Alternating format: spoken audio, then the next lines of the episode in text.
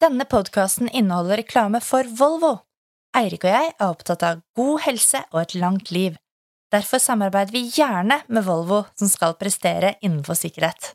Volvo sin nullvisjon handler om at ingen skal dø eller bli alvorlig skada i en Volvo, og det er en stor prestasjon, det. Forskning og praksis har vist oss at det å holde seg i form med trening og fysisk aktivitet er en av de beste formene for livsforsikring du kan ha.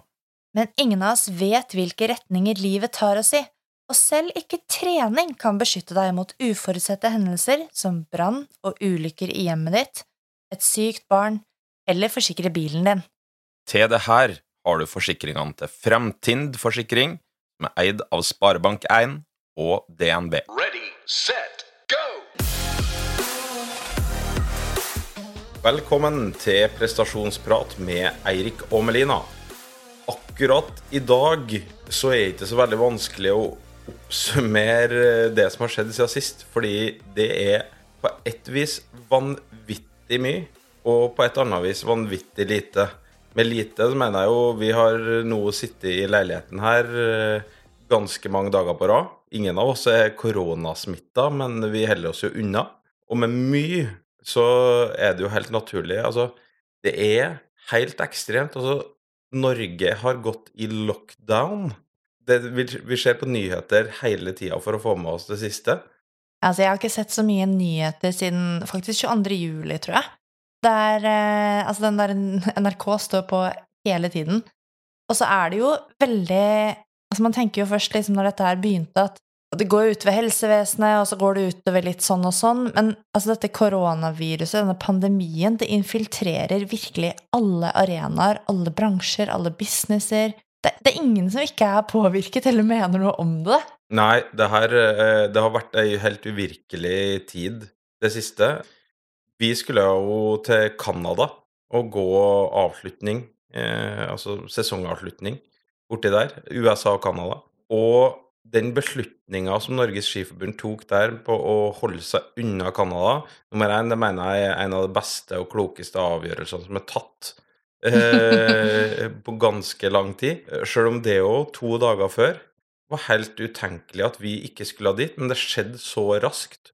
Og klumpen i magen til oss alle på den reisa tror jeg bare vokste og vokste som vanvittig det siste døgnet. Og eh, så til sjuende og sist så tror jeg vi alle var enige om På tirsdagen var det vel det eh, om at nei, det, den turen der, den eh, er vi foruten. Ja, jeg skjønte i hvert fall ganske tidlig at du hadde sånn dårlig gut feeling på hele den Canada-greia, og det var egentlig før ting hadde begynt å avlyses sånn skikkelig. Ja, ja jeg, jeg, tror ikke at det var derfor at jeg hadde bestemt meg sjøl for å ikke være med. For den, den avgjørelsen jeg, tok jeg allerede i desember. Og jeg tror ikke jeg har noe slektskap til noen synske personer, så jeg tror ikke det var derfor. Men når det nærma seg at uh, guttene skulle dra bortover, så kjente jeg virkelig på den klumpen i magen som sa fanken, skal du gidde å sende dem bortover der i frykt for at de ikke kommer seg hjem, og karantene og hele det sulamitten der, og så har de jo ja, etter den uh, avgjørelsen der, så har du egentlig bare snøballen rulla og rulla og rulla. Nå er til og med Norge Altså grensene til Norge er i lockdown. Altså, du, du kommer ikke deg inn her hvis du ikke har en fryktelig god grunn til det. Det er utrolig spesielt, og kongen har talt og Nei, det er veldig rare tider, men er du redd? Er du, liksom, er du redd for å bli syk selv? Nei, og redd tror jeg er et feil ord, i hvert fall for mitt vedkommende. Men det, det, du har nok ganske sånn respekt for det her. Mm. Altså, det blir jo en sånn massesuggesjon. Altså, du blir jo veldig sånn opptatt av det media skriver, og, og, du skjønner jo alvoret når du sitter og leser på hva som foregår i Italia, som ikke er en bakgårdsrepublikk i langt vekk i stand. Ja, de har et fantastisk eh, medisinsk apparat i utgangspunktet. Ja, altså regionen Lombardia, da, som er en veldig sånn high end del av Italia, i Nord-Italia. Altså, der bor det fryktelig mange velstående folk, og det medisinske apparatet er bra. Altså, det, det dauer jo flere hundre hver dag. Ja, helt utrolig. Og det er jo da, for min del, at du får et sånt veldig respekt for det her. Eh, og så eh, tror jeg jo det er mye Det virker jo som at det er jo de gamle, de svake, som først og fremst kan dø av det her. Men, eh, og det betyr jo at vi må jo Jeg, syns det var utrolig bra skrevet av en eller annen i dag som at du skal, du skal Alle sammen skal oppføre seg som om de har viruset. Ikke på en måte som at du vil helst unngå å få viruset, men du skal oppføre deg som om du har det. Ja, med tanke på at hvem som helst kan være en smittebærer. Du og jeg kan jo være smittebærere bare fordi vi var i matbutikken og måtte handle det absolutt mest nødvendige på kortest mulig tid. Så vet vi jo ikke om vi har tatt på noe som det er et virus på som kan overleve da, i flere timer og faktisk opptil flere døgn, har jeg lest. Sånn at det er jo egentlig en god tanke, uten å liksom skulle krisemaksimere helt i hver eneste husstand. Men jeg tenker jo det, eller vi har jo tatt valget, du og jeg, da, om at vi ja, kjører egentlig Ikke sånn selvpålagt karantene, ingen av oss er i karantene, men vi kjører en sosial distanse til eh, andre mennesker. Vi har begge muligheten til å ha hjemmekontor og faktisk få gjort den jobben vi skal, og få gjort den bra. Så sånn sett er vi jo heldige, da. Men eh, sånn jeg for min del òg, det har ikke noe med at jeg er gravid eller noe sånt å gjøre, men, men jeg bare kjenner sånn Herregud, hvis dette her skal være to uker, som er det første eksperimentet nå til regjeringen, fram til 26. mars, er det ikke det? At ting skal være Jo. litt sånn lockdown. Eller om den blir to måneder, så er det, en sånn, det er en liten pris å betale for å spare livene til eh, bestemødre, syke, eh, spedbarn, premature Altså hvem som helst av sårbare personer i befolkningen, da. Ja, definitivt. Og vi får testa vår eh, evne nå til å eh, være kun oss to. Det er jo Ja, det er vi ganske gode på, da. Kanskje en av de siste månedene, eh, i hvert fall på 20 år, at eh, vi skal være oss to, så vi får jo testa det. si det. Sånn at det, det har jeg null problem med. Jeg har reist i hele vinter, så jeg har ikke noe problem med å ta noen rolige uker stort sett eh, inn blant husets fire vegger Med sammen med deg. Absolutt ikke Det er koselig, da. Men, eh, og det gjør jo at vi får gjort en del her hjemme, men det er veldig gøy når du skal liksom prøve deg på sånne prosjekter som er sånn som handyman, som du egentlig får nesten sånn total breakdown av. Når vi skulle skru opp to hyller i sted, og du ikke fikk det dem på første forsøk. Det er sånn, Du er aldri frustrert eller sint ellers. Men akkurat når det kommer til sånn der handywork eller Ikea eller Det er akkurat som det bare svartner for deg. Jeg skjønner, jeg kjenner deg ikke igjen. Ja, men det, det Jeg har aldri påstått at jeg har eh, noe mindre enn ti tommeltotter. Jeg hater Jeg hater av hele mitt hjerte altså sånne ting som jeg egentlig i form av mitt kjønn skal være god på. Jeg hater det. ja. Altså, jeg kan bytte lyspære. Det kan jeg stort sett gjøre uten å bli sint. Men eh, allerede når vi er på det å skru opp det enkleste Ikea-hyllene, da kjenner jeg bare svetten sile, ja. og mitt sånn Det ble så varm temperament at du sto i bokseren til slutt. Det var veldig gøy. ja, ja. Men Ja. eh, det her er jo ikke en koronapodkast. Nei, og det Eh, er ikke en sånn der husmor og husfar og vi eh, holdt på å si redekorerer hjemme-podkast heller. Men sånn er nå ståa der. Vi pusler rundt her. Men vi har jo et tema for i dag. Det har vi. Og vi har jo på sosiale medier kommet eh, ut med det her temaet som intervall spesial, eller intervall spesial.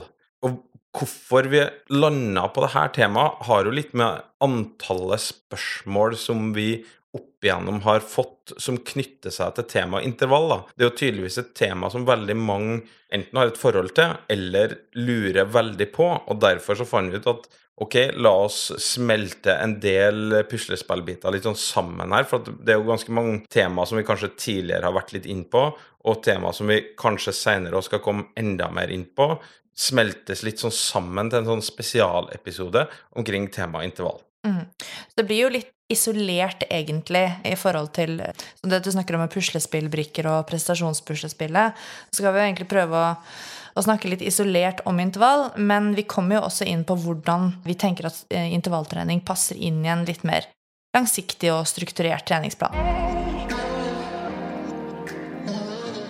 Så det store spørsmålet, da, altså hva er intervall? Og det er jo egentlig bare en variasjon mellom høy og lav intensitet, i motsetning til da kontinuerlig arbeid som da foregår i, i mer eller mindre int- intensitet over tid.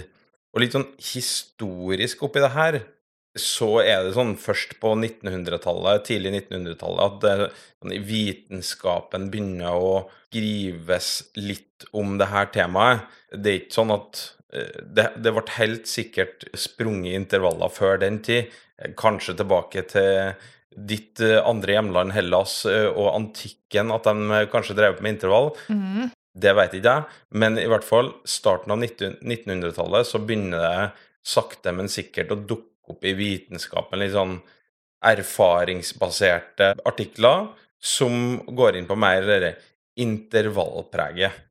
Når vi eh, drar rundt og snakker med studenter og ellers i verden, så er, føler jeg jo litt sånn at intervaller det er delt opp i to, to leirer.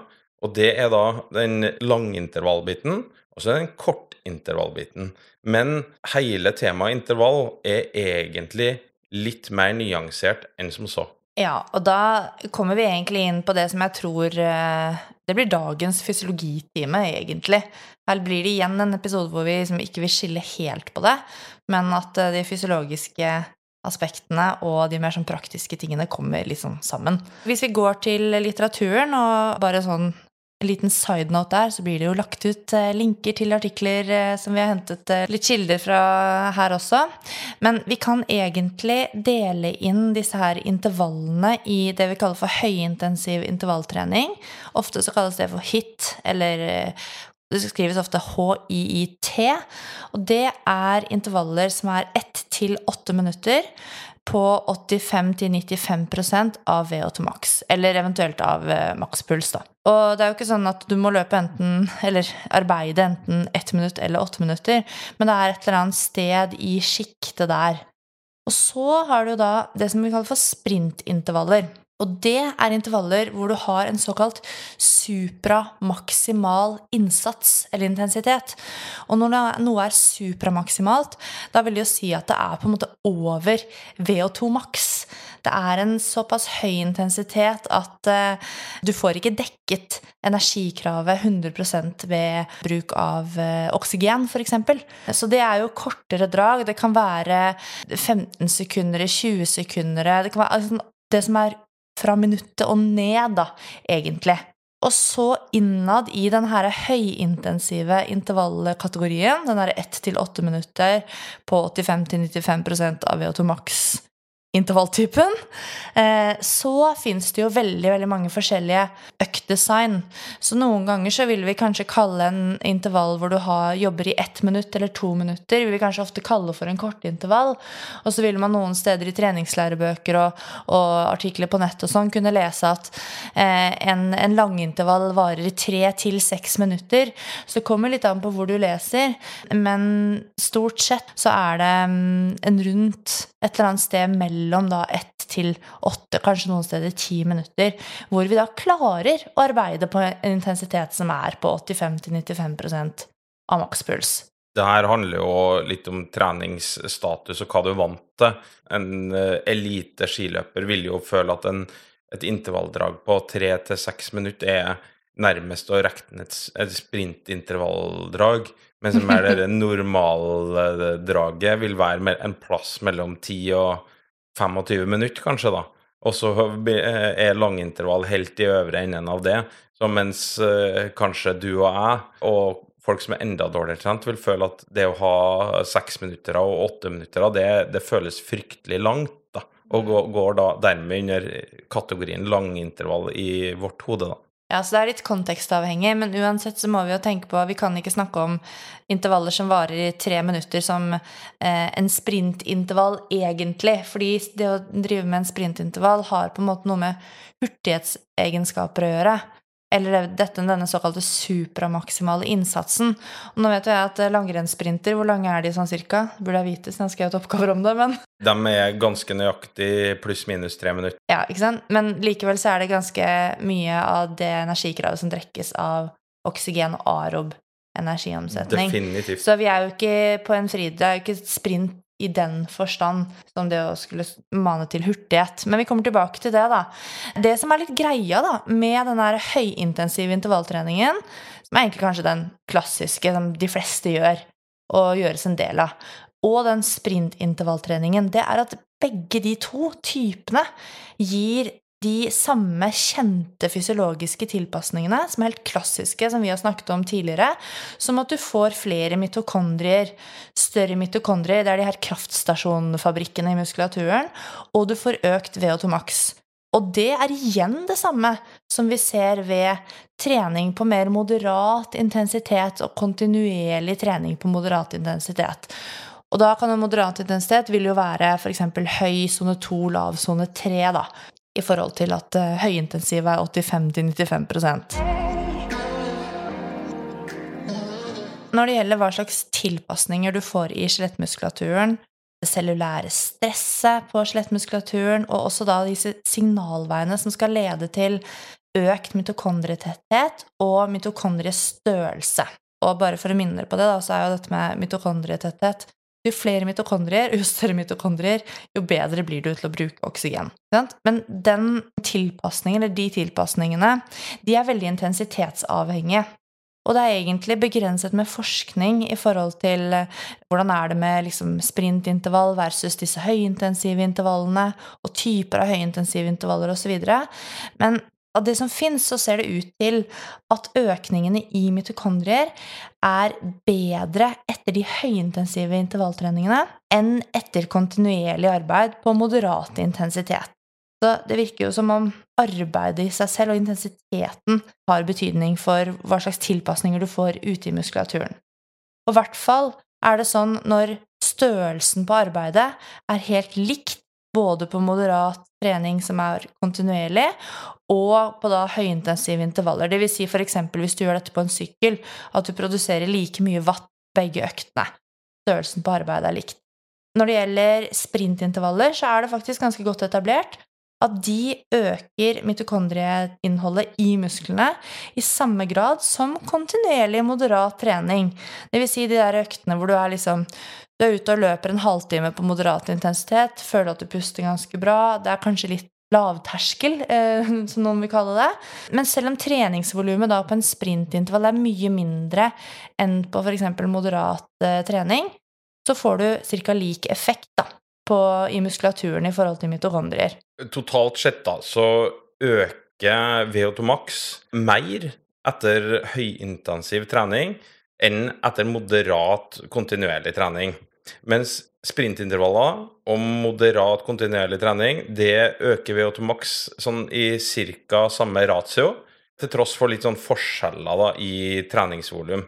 Det gjør at du faktisk kan trene litt mindre volum på sprintintervaller og få samme økninger i forhold til moderat trening. Oppsummert, da, så er det egentlig ganske vanskelig å skulle fortelle dere som lytter, og våre studenter, og også våre utøvere, hva er den beste intervallen? Hva er den absolutt beste sammensetningen av intervaller? Fordi som dere sikkert skjønner, da, så er det jo Det er liksom Det er ikke bare én Eh, måte å trene intervall på som leder til en gitt tilpasning. Det er flere veier til den samme type tilpasningen. Men jeg syns egentlig sånn, kanskje den viktigste takeawayen er jo det som du sa, da, Erik, med at VO2 max stimuleres kanskje eh, litt bedre av de høyintensive intervallene som har, har litt varighet, da. Ja da, og vi har jo vært inne på det tidligere og når vi snakka om rolig trening, at det jo er jo faktisk med på å øke VO2-maksen din, men det krever et ganske stort volum. Mm. Eh, og når du er inne på volum, volum av intervall, hvor ofte skal du trene intervall, og hvor stort totalvolum skal du ha av eh, høyintensiv trening i perioder og sånn, det der er jo spørsmål som vi får veldig ofte, og som er helt, som du var inne på, nesten sånn umulig å, å gi en sånn én setning på, og som er riktig for hvert enkelt individ på det her. Et prinsipp som vi tidligere har uh, diskutert i episoden om treningsprinsippene, var jo det med 'principle of diminishing returns'. Vanskelig ord. Prøv igjen. 'Principle of diminishing returns'. I den episoden så uh, sa vi at vi veit ikke helt hvordan vi skal si det her på norsk. Og da må vi ha en shout-out til Ketil Myran, som sendte inn forslaget på at det kan oversettes som avtagende utbytte. Og det her er litt sånn viktig innenfor denne volumdiskusjonen. Fordi at en utholdenhetsutøver på elitenivå kontra meg og deg, der er spørsmålet om volum helt forskjellig. Vi kan egentlig ha mye de samme intervalltypene, altså på samme draglengde f.eks., men hvis at de skal ha framgang, så må de ha et mye større volum enn det vi må ha. Og hvis vi legger oss på samme volum som dem, så vil vi bli alt, alt, altfor sliten. Så det der er viktig å ha en viss sånn eh, finger i spillet da, når du skal planlegge det her. Hvor er utgangspunktet ditt? Og det å legge seg på et eh, for lavt treningsvolum vil jo gjøre at eh, du får et platå, at du stagnerer i fremgang. Det å legge seg på et for høyt treningsvolum, og jeg vil jo påstå at du gjør mer feil med det enn å ha et for lavt volum, men ehm, altså, det er jo en perfekt oppskrift på å trene seg selv i senk og ikke bare få et platå, men å virkelig få en reduksjon i, eh, i fremgang. Man rett og slett blir såkalt overtrent. Og det gjelder kanskje spesielt dette med for mye hard trening. I tillegg så øker også risikoen for skade. Så det gjelder jo å finne liksom akkurat den balansen med hva som er passelig mengde på høy intensitet for akkurat dette individet som man har foran seg. Ja, i forhold til hva kanskje målsettingene er, da. Ja, men noen setter seg jo hårete mål, ikke sant? Og så er det jo kanskje vår jobb å styre inn litt grann Ok, det her Sånn som du styrer meg inn litt av og til, og jeg styrer mine utøvere og kunder litt av og til. Og at det her er liksom Dette er for mye. Trenger ikke trene seks ganger ti minutter terskel når du Dette er første halvåret du trener systematisk utholdenhetstrening. Det holder med en liksom halvtimes tid. Ja, og oppi det hele der da, så anbefaler jeg å ta en titt tilbake i arkivet på episoden om treningsprinsippene. Eh, for nå, vi svarer jo litt sånn generelt på, på det her, fordi det er vanskelig å være spesifikk. Men forholder deg ganske hardt til treningsprinsippene, ikke bare til det derre avtagende utbytteprinsippet, men prinsippet om variasjon, spesifisitet etc., etc., så er du langt på vei innafor. Vi har faktisk eh, to litt sånn konkrete spørsmål da, som jeg tror vi kan svare altså, veldig konkret på. Og et spørsmål som vi har fått, er eh, hvilke økt som du og jeg, da, Erik, har gitt til våre utøvere hyppigst? Hvilken økt er det vi oftest har gitt ut, og hvorfor akkurat den økta? Oi, eh, jeg tror nok kanskje gjennom året at noe av det vi gjennomfører mest av, det er intervaller på rundt ti minutter veldig sjelden så sier jeg at intervalldraget skal være så og så lenge i minutt. At vi går ofte runder i Kollen, eller hvis vi er andre plasser, så går vi Fra A til B, ikke sant? Går fra A til B. Og da er litt sånn går du, Tar du i litt mer, så går draget blir draget litt kortere. Går det, har du litt mer kontrollert, så blir draget litt lengre. Så jeg tror nok hvis jeg skal ha den jeg har hatt flest ganger, så er jeg fem ganger én runde i Kollen, som tilsvarer ca. fem ganger ti-elleve minutter. Og hvis vi går på juniornivå, da, og, og seniornivå, som er litt lavere seniornivå, da. For du har jo vært trener der en, en årrekke òg. Det er kanskje enklest å se på juniornivå. altså Seniornivået på satsende seniorer i Norge Da er det ikke så stor forskjell på en som øh, kjemper rundt nummer 40-50 i Norgescupen, og han som vinner VM-gull. Jeg tror de trener egentlig relativt likt. Mm. Mens hvis du går ned på juniornivå, så er det klart at det volumet med økta da, som varer en time med hardt, det blir litt mye. Og da kutter du kanskje ned lengden på dragene til en, på en varighet da mellom eh, fem til åtte minutter. Og det er litt morsomt du sier, fordi Og jeg kom egentlig på at det er litt mønsteret nå. Fordi mange mosjonister, da, altså supermosjonister, veldig idrettsaktive mennesker, men som har fulltidsstudie, fulltidsjobb, familie, ikke sant. De, de, de, kan egentlig, og trener egentlig ganske likt, som en ganske hardtsatsende junior. Ja, ja. Og det er, liksom, det, er litt, det er mange likheter der, da. Og en økt som jeg har gitt ut, eller to økter vil jeg nevne, som jeg har gitt ut uh, veldig mye, som jeg er veldig glad i, som er innenfor dette her høyintensivsjiktet, det er fem ganger fem minutter uh, motbakke med to til tre minutter pause. Og det er fordi jeg vet at treffer du på intensiteten der, så får du eh, ganske bra med tid, med god fylling av hjertet, stort slagvolum. Du skal være en skikkelig dårlig responder når det gjelder VO2 max, for å ikke få effekt av den type økt. Så det er en gjenganger i mine treningsplaner. Og også 1000-metersøkter, for de som, spesielt kanskje for de som satser løping og triatlon, som ofte løper litt så flatere profiler. Eh, Det gir en god kontroll på hastighet, på tempo, og det gir også et godt bilde på prestasjonsevnen å kjøre ulike typer 1000-metersøkter, f.eks. Og så var det det andre spørsmålet. Hvor kommer egentlig den anbefalingen fra om at man skal ha minimum 15 minutter i sone 4 for å få kondisjonseffekt?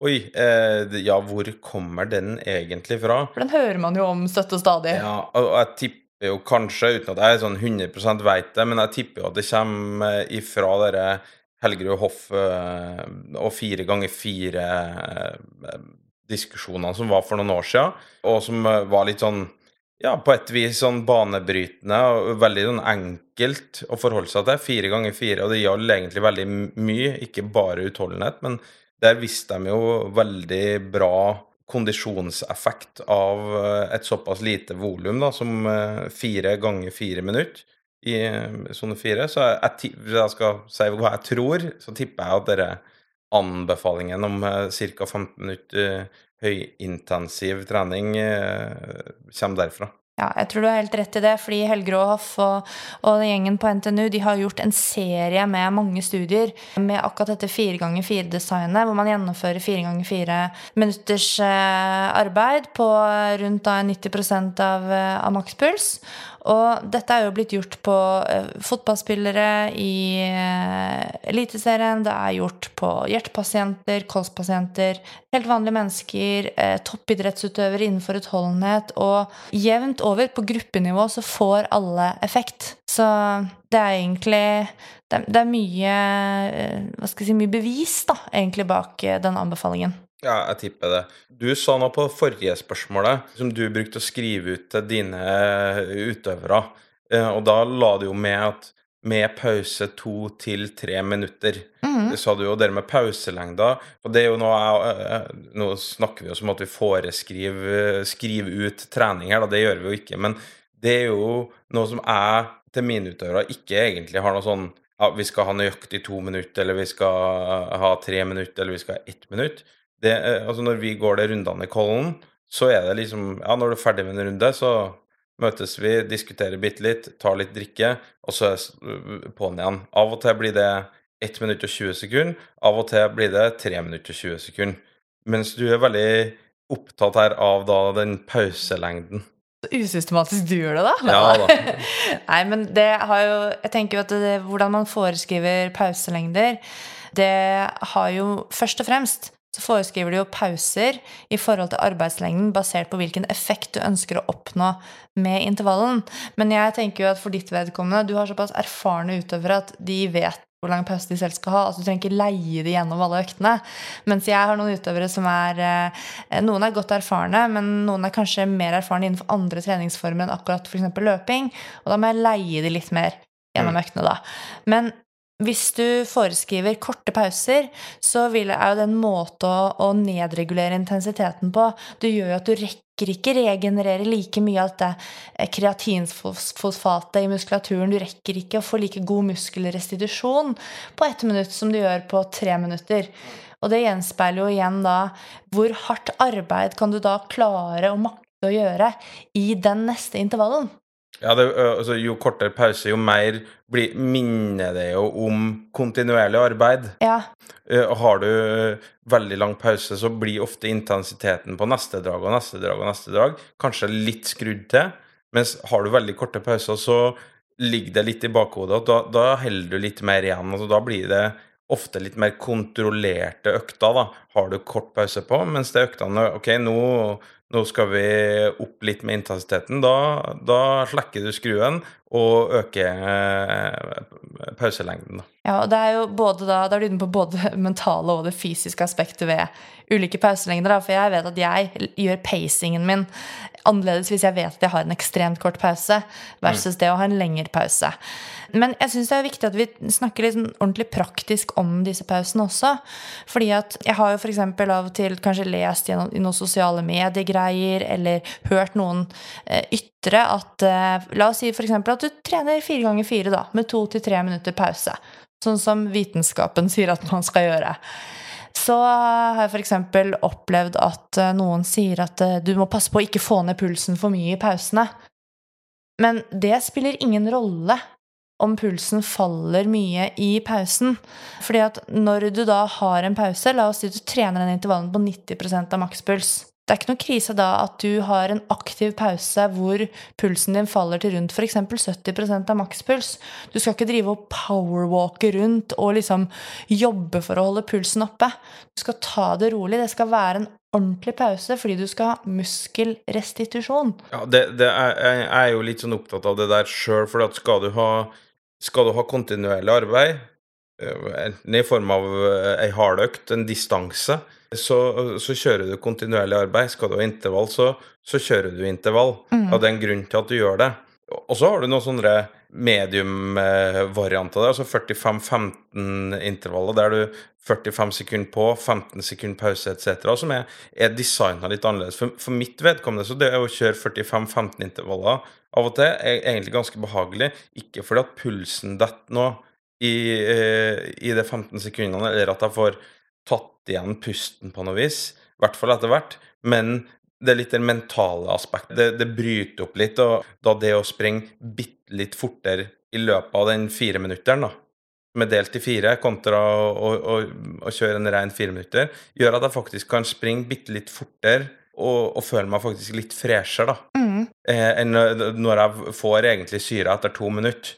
Uh, og så må du jobbe i to minutter til. Mens her så får du litt den mentale pausene. da. Den økta du skisserer der, er f.eks. om du lager flere serier. da av 45-15 intervaller. F.eks. at du gjør fire ganger 45-15, og så har du en litt lengre seriepause.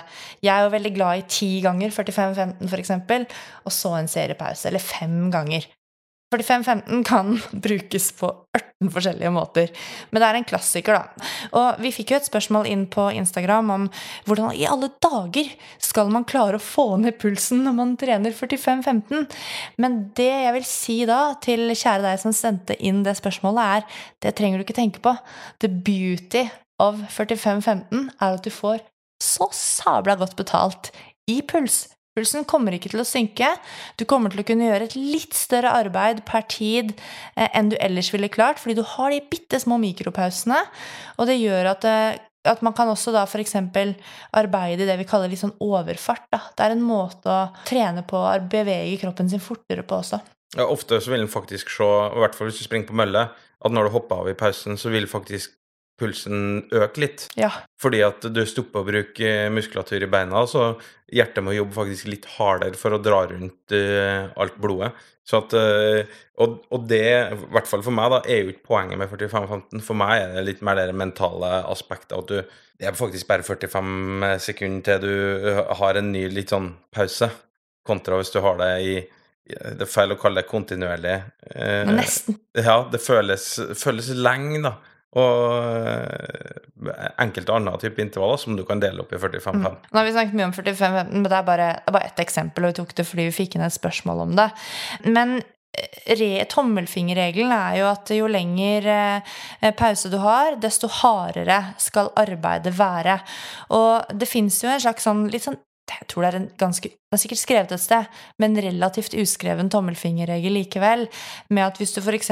skal ha eh, intervalløkter som er et høyintensivsjiktet, 85-95% av makspuls, så bør pauselengden være rundt en sånn Det er vel rundt en 50, mellom 50 og 25% av draglengden skal du trene kontinuerlig Eller unnskyld, skal du trene på mye mer moderat intensitet, høy I2, lav I3 rundt der, så kan du klare deg med en 20-25% av pauselengden. Skal du trene enda hardere enn, de, enn på 95% av makspuls, så kanskje pauselengden er oppe i 75% det her er bare noen sånne enkle enkle guidelines som du kan designe treningen din selv, du som lytter på. Men det går jo også an å ha ti minutter pause. Ja, ja, sprintintervaller, eksempel. Da kan du ofte ha veldig, veldig lang pause. For at du er avhengig Skal du få fullt utbytte av dem, så er du avhengig av full fyring, full innsats. Supramaks. Ja, både hode og muskulatur og alt må liksom være på plass, og da trenger du faktisk den pausen å komme deg på. Det, det er jo ofte de intervallene som tar lengst tid å gjennomføre fra å starte oppvarming til du er ferdig med økta, er jo sånne sprintintervaller. Kanskje du ikke har gjort det et veldig, veldig stort arbeid sånn volummessig, men du trenger de pausene. På samme måte som en, en styrkeløfter som gjør veldig sånn, tunge og få repetisjoner, trenger lang pause før han tar neste sett. Mens er du ute og tar litt mer sånn styrke som jeg gjør, husmortrim, så trenger du egentlig ikke så mye, mye pauser. Og jeg husker på min eh, trener eh, tilbake i tida, han sa lange drag, korte pauser. Korte drag, lange pauser. Det er ganske enkelt å forholde seg til. Det er egentlig det. Når det gjelder eh, intensitet, da eh, Nå har vi snakket mye om det allerede, men det er jo forskjell på intervaller når de brukes i den daglige treningen, og når man bruker de f.eks. inn mot formtopping. Ja, og det her har vi jo fått et spørsmål på òg, som går på akkurat det her om, om, hva skjer med intensiteten eh, inn mot ja, når du skal være i toppform og den biten der. Og der er det jo en del studier, blant annet en som er gjort på britiske, gode britiske løpere, der de så på mellomdistanseløpere, langdistanseløpere og, og maratonløpere. Og der så de jo at både maratonløpere og langdistanseløpere de tuna veldig til inn mot de viktigste løpene med å øke intensiteten. Altså tok ned volumet, som det fleste det totale treningsvolumet inn mot formtoppen, men skrudde til på intensiteten. Og da på løpere så bruker de ofte fart, kanskje mer enn puls eh, etc., men da skrudde de til og lå på en overfart, en over konkurransefart. Mens da der mellomdistanseløperne de gjorde det på et annet vis. De, de tok òg ned treningsvolumet, men lå veldig på den, den uh, farten. Altså konkurransefarten. konkurransefarten. Så det er jo forskjellige strategier uh, ut fra hva man Ja, hva som er din distanse. Og så er det også veldig mye tradisjonsbasert der også, da. Dette er jo studier fra treningsdagbøker. Det er ikke mulig, egentlig, å skulle kontrollere en utøver eller en gruppe mennesker et helt år, for så å prøve å lage formtopping på dem. Det er så mange faktorer som spiller inn. Det beste dataen og beste måte, evidensen vi har, da, det er egentlig det vi kan få eh, studert og tolket i treningsdagbøkene til gode utøvere, da. Ja, de som lykkes, da. Mm. Og se hva, hva de har gjort, se om det er noe fellestrekk der. Og ser jo meg at det er jo ikke noe tvil om at det her stemmer ganske godt overens med sånn som vi legger det opp, der du gjennom hele sommeren og tidlig høsten egentlig ligger på et høyt, høyt treningsvolum, der intervallene er egentlig dere kaller i tre variantene. Store deler av de intervallene vi gjennomfører, er i det sjiktet der. Eh, mens når det nærmer seg sesong, så tuner vi mye mer inn på konkurransefart. Og, og, og det å ja, kutte ned kanskje litt på volumet, kutte ned draglengdene litt. Ikke veldig mye, men litt og så legge på litt på intensiteten. Mm. Jeg tror um, det, akkurat det du sier der, det er ganske gjengs på tvers av mange idretter. Jeg husker jeg hadde en uh, samtale med kollegaen min Thomas Fjellberg, som jeg tror han hadde lest en sånn formtoppingsartikkel jeg hadde skrevet, og i tillegg drev med noe formtopping inn mot vektløftestevnet selv, hvor han sa at det er jo ganske likt sånn som vi gjør det i vektløfting. Det er liksom de samme prinsippene. Øker intensiteten til enten konkurransespesifikk eller litt over. og kutter på volum. Men vi skal jo faktisk ha en egen episode om formtopping, da. Vi har jo som sagt fått inn enormt mange spørsmål, og alle er veldig gode. Så tenkte jeg å ta et ganske sånn spesifikt, da, fordi vi har fått et spørsmål om spesifisitet. Og det handler jo litt om det om Eh, hvis du skal bli god til å løpe, hva må du gjøre da? Hvis du skal bli god til å svømme, hva må du gjøre da? Og kan du bruke treningsformer på kryss av hverandre for å bli god i én ting? Men prinsippet om spesifisitet, det står veldig høyt når du ønsker forbedring i en helt konkret eh, treningsform eller idrett. Så det å svømme intervaller vil jo gi deg god treningseffekt og god helseeffekt. Det vil gi en god effekt på hjertet ditt. Men den spesifisiteten som du da trenger for å bli en bedre løper, den misser du alt av. Så jeg vil jo si egentlig svaret på spørsmålet er litt sånn nei, du kan egentlig ikke bruke andre treningsformer for å bli veldig god i den spesifikke idretten eller arbeidsformen du har lyst til å bli god i. Det gjelder jo kanskje mest i en sånn rehab Er du skada, da?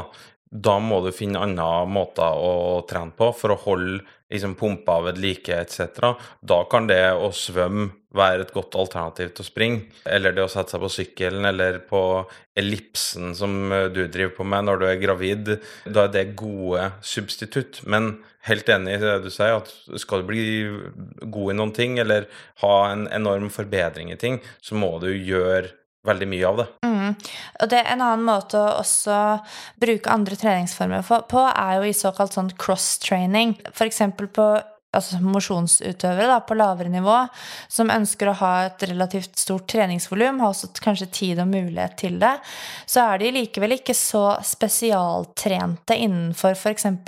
langrenn eller løping eller svømming at man kan bruke all sin tid på å gjøre bare den treningsformen. At du må drive litt såkalt cross-training. Du må skape variasjon, sånn at du på en måte ikke blir får for mye ensidig belastning.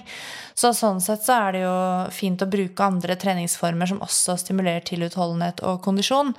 Men det kommer nok Det isolert sett kommer ikke til å slå ut i nye personlige rekorder eh, på 10 km og Birken og ja, alt det der, da.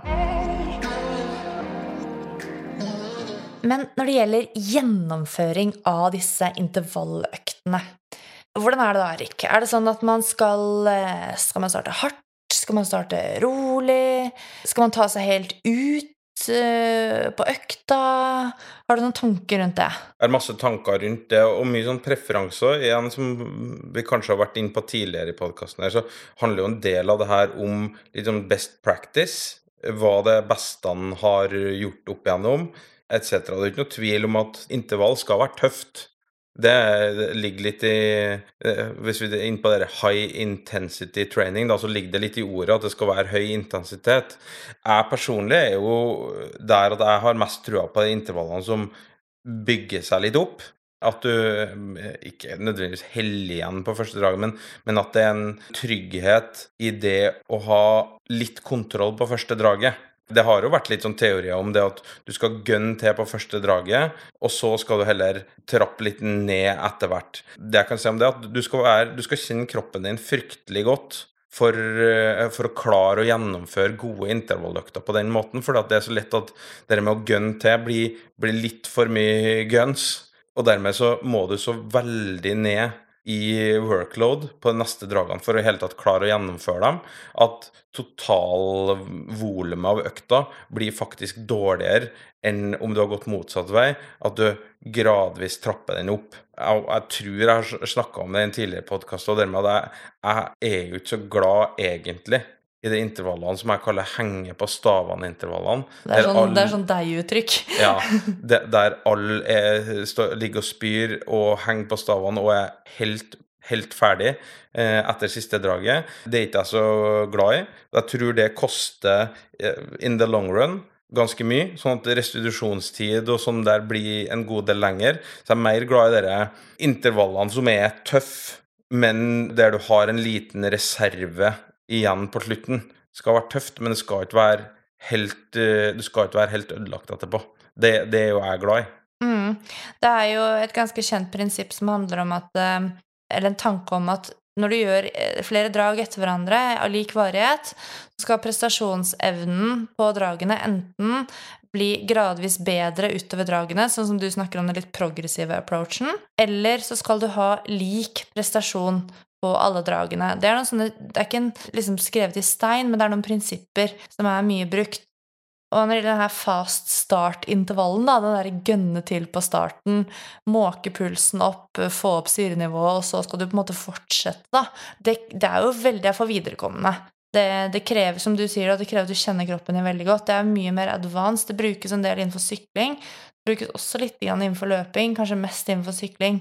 Og jeg har satt opp, eh, satt opp det til noen av de jeg trener, men kun til de egentlig mest erfarne, de som trener wattbasert, og vi har litt peiling på hva wattverdiene deres er fra før. Men det skal sies at med alle sammen så bomma vi litt på første, første økta. Ja, og, det, og du er inne på noe der, for at i sykkelbransjen så har du jo den wattmåleren som gjør at du altså, Det er lettere å kontrollere intensiteten da, på samme måte som å kanskje delvis er på løping, i hvert fall hvis du springer på en mølle, så kan du alltid kont altså, finkontrollere den biten der. Men på ski, for eksempel, hvis du går i Holmenkollen, det er enten er blaut asfalt, eller så tørr asfalt, eller så er motvind der og medvind der, så det der er nesten helt umulig å kontrollere. Mens i litt sånn lukka miljø, så går det an å kontrollere. Sånn at du Hvis du sier at du Forskjellen på 10 watt, da, for eksempel, det kan du kontrollere. Mm. Mens Eller på en halv kilometer i timen. Og det er det kanskje som gjør at du akkurat bekker deg innafor på den full pupp-varianten. For at starter du 1 km i timen for fort kontra 0,5, så kan det hende at du ødelegger hele økta. Mens 0,5, det kan kanskje funke. Ja. Det er jo litt samme med på terrengsykling òg, da, som på langrenn kontra det ja. med landevei, f.eks. Men ja, så vi vil jo anbefale det at du skal ha kontroll på at du skal si litt ja bak i hodet, og du skal ha som du snakker om Erik, den lille reserven. Samtidig så har jeg personlig kjent på den følelsen av å liksom ta seg helt ut på siste draget. Sånn, du må legge deg ned på bakken.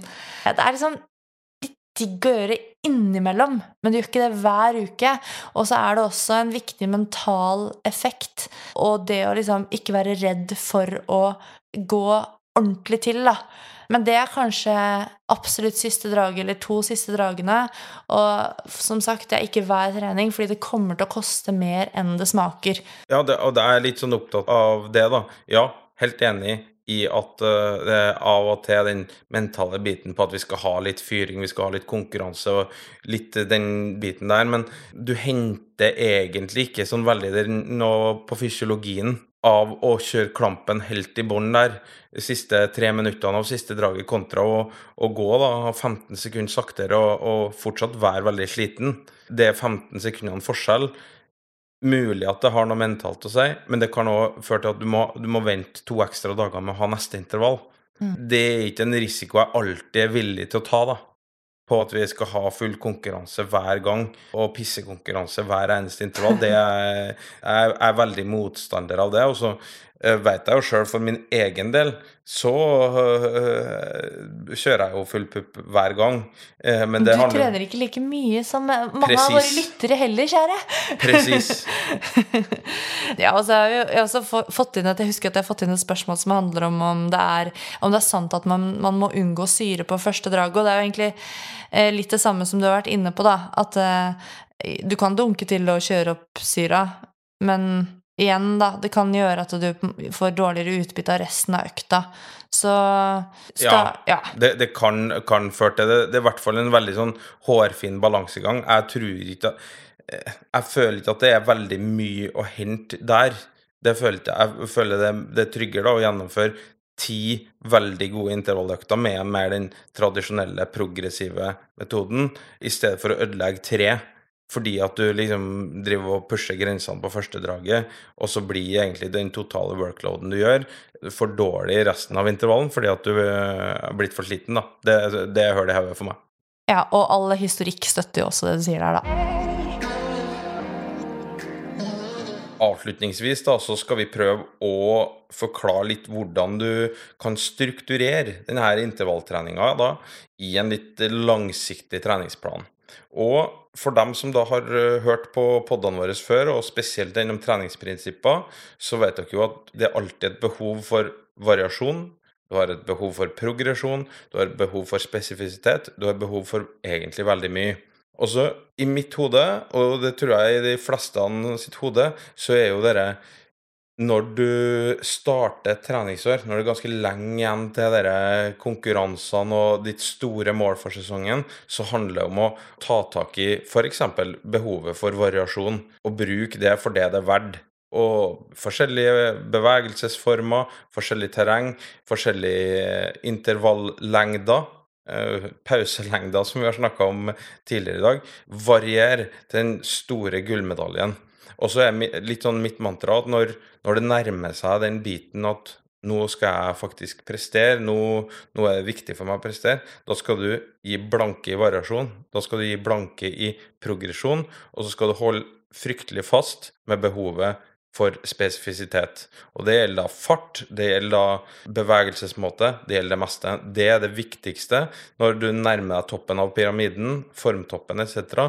Da må alt annet vike. Da er spesifisitet som gjelder. Mm. Jeg er helt enig med det du sier der, Erik. Og en del eh, spørsmål som jeg ofte får når det gjelder den der treningshverdagen med intervaller, da, er jo om man bør bytte på to forskjellige, hvor mange forskjellige intervalltyper bør man ha, hvor lenge skal man egentlig holde på med én spesifikk intervall, hvor mange uker skal man ha den før man eventuelt bytter den ut? Og det her er det ingen som helst fasit på. Men det som er viktig for å kunne si noe om det oppsettet, den totale treningsmengden, da inkludert de intervallene pluss alt det andre du gjør, gir deg en prestasjonsfremgang, det er at du må gjennomføre et visst system med trening over en viss tid for at kroppen skal få tid til å tilpasse seg, og du skal komme ut i andre enden i en liten økning i prestasjonsevnen din. Sånn at jeg personlig er ganske fan av å, å ha noen eh, intervalltyper som jeg bytter på i en periode på kanskje rundt sånn seks til åtte ukers tid, før jeg kanskje legger inn en liten variasjon. Men en liten variasjon, det kan jo være f.eks. å gå fra å trene La oss si at jeg har et eh, treningsvolum på tre ganger eh, 10 ganger 45-15. 10 ganger 45-15 etter hverandre i tre serier. Og så har jeg holdt med det en stund. Kroppen min er mer utholdende, jeg er bedre trent. Kanskje jeg faktisk legger på en serie og øker volumet uten å forandre designet på intervallen. Det kan være en variasjon. En variasjon kan også være å endre litt på pauselengden. Så det er mange forskjellige små grep man kan gjøre. Hav av muligheter innenfor de intervallene. Men det er viktig å ha variasjon som du var inne på, Erik, men samtidig så kan du ikke ha så mye variasjon at du ikke får repetert et visst sånn treningsstimuli for å få en viss tilpasning. Nei, det er helt, helt riktig. Men jo lenger eh, ned på pyramiden du er, jo lenger det er til målet ditt og det du trener for, jo større variasjon kan du tillate. Og det vil, det vil også lønne seg, tror jeg, og da trene variert der. Fordi at du vet at lenger fram i veien så må jeg være så spesifikk at da må jeg ha liksom dere da må jeg ha variert så mye i starten, sånn at jeg ikke blir skada når det faktisk nærmer seg, og jeg, og jeg gjør ting veldig spesifikt, da. Ja, Du må ha det gode fundamentet, du skal bli bedre trent. Du bruker den grunntreningsperioden for å bli bedre trent til å tåle mer og hardere trening når du går inn i den spesifikke treningsperioden, før du går inn i formtoppingsperioden. Men i den grunntreningsperioden, og også den mer spesifikke perioden, så går det an å designe treningene sine på utrolig mange forskjellige måter. Hvordan livet ditt er strukturert, vil jo diktere veldig mye på hvordan du legger opp treningen. Det fins ulike eh, modeller for periodisering. Vi skal ha en helt egen episode om periodisering, for det er så innmari svært tema. Men når det gjelder akkurat dette med intervalltrening og stimuli på VO2 max, stimuli på eh, muskulaturen og få tilpasninger der, så er det gode argumenter for å gjennomføre eh, høyintensive økter to til tre ganger i uken, rundt da 85-95% av makspuls. Det er det vitenskapen og praksisen koker ned til. Så jeg tror må være litt den store takeawayen i forhold til å få prestasjonsfremgang. Ja, jeg kan jo gi et eksempel fra min, min egen intervallhverdag her, da. Jeg gjør det jo egentlig veldig enkelt. Jeg trener intervaller som varer mellom 16 og 36 minutter. Og innafor der så deler jeg opp det forskjellig fra gang til gang, jeg, da. Eh, 16 minutter, det refererer til 4 ganger 4, og 36 minutter refererer til 6 ganger 6 minutter. Mellom der så varierer jeg mye. Jeg tror at du kommer ganske langt med det, da. men er du innenfor den kategorien elite og du skal virkelig prestere, så må du kanskje være litt mer eh, fintuna, ha en litt bedre plan enn det jeg som Jeg vil ikke kalle meg ivrig mosjonist engang. Jeg skal holde meg i passe god form. Hvis du snakker deg selv litt ned her. Men det som er også viktig å ta med seg da, fra det du sier, akkurat det du skisserer der innenfor sikt og høyintensiv intervalltrening, det passer for de aller fleste. Selv om vi, både, kanskje ikke du så mye, da, Erik, men jeg og alle vi andre som skal ha på startnummer, vi liker å tro at vi er litt spesielle. Vi liker ofte å tro at vi er litt mer elite enn det vi egentlig er. Vi er ikke det. Så det der med 15 til 40 minutter, eh, litt avhengig av hvem du er og hva du har tid til og hva du skal trene, på høy intensitet, det, det passer for de aller fleste. Det gjør det. Det tror jeg får være siste eh, Kanskje ikke siste fornuftige ord, men siste eh, ord som omhandler temaet intervall. Vi skal da fortsette å, være eh, isolert så godt som mulig, i hvert fall framover. Det gir oss muligheter til å planlegge videre podkaster, og vi beveger oss jo lite utafor husets fire vegger, så vi får jo tida til å spille inn også flere. Mhm, Og ja, Så podden den lever videre, selv om veldig mye i det langstrakte land stopper opp. Vi håper dere tar ekstra, ekstra godt vare på dere selv og deres kjære i disse dager. Og følger alle råd fra helsemyndighetene, selvfølgelig. Og så, i tillegg til å gjøre det, så kan dere jo følge oss på de sosiale medier. Og jeg har store planer om at Eirik og jeg skal få ut en sånn questions and answers på Instagram Story. Fordi vi har fått inn så masse bra spørsmål, så vi, og vi har ikke rukket å ta alle her. Så vi kan ta litt der også. Dryppe litt utover. Det gjør vi. Ta vare på hverandre. Ha det bra. Ha det bra.